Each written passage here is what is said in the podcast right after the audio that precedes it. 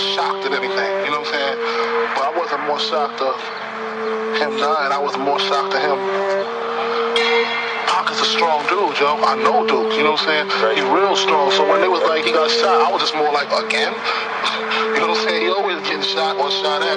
He gonna pull through this one. Make a few records about it. I grew chicken. I grew up a fucking screw up. Got introduced to the game. Got an ounce and fucking blew up.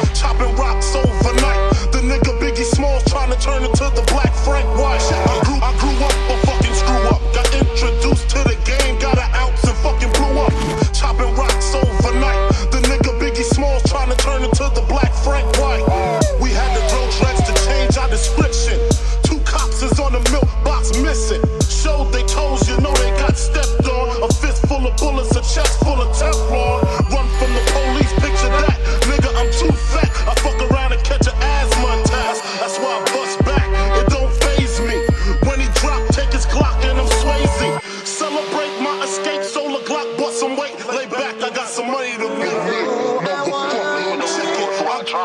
wish death on nobody. You know what I'm saying? Cause ain't no coming back. Still I'm having memories of high speeds when the cops crash. As I laugh, pushing the gas when my Glocks blast. We was young and we was dumb,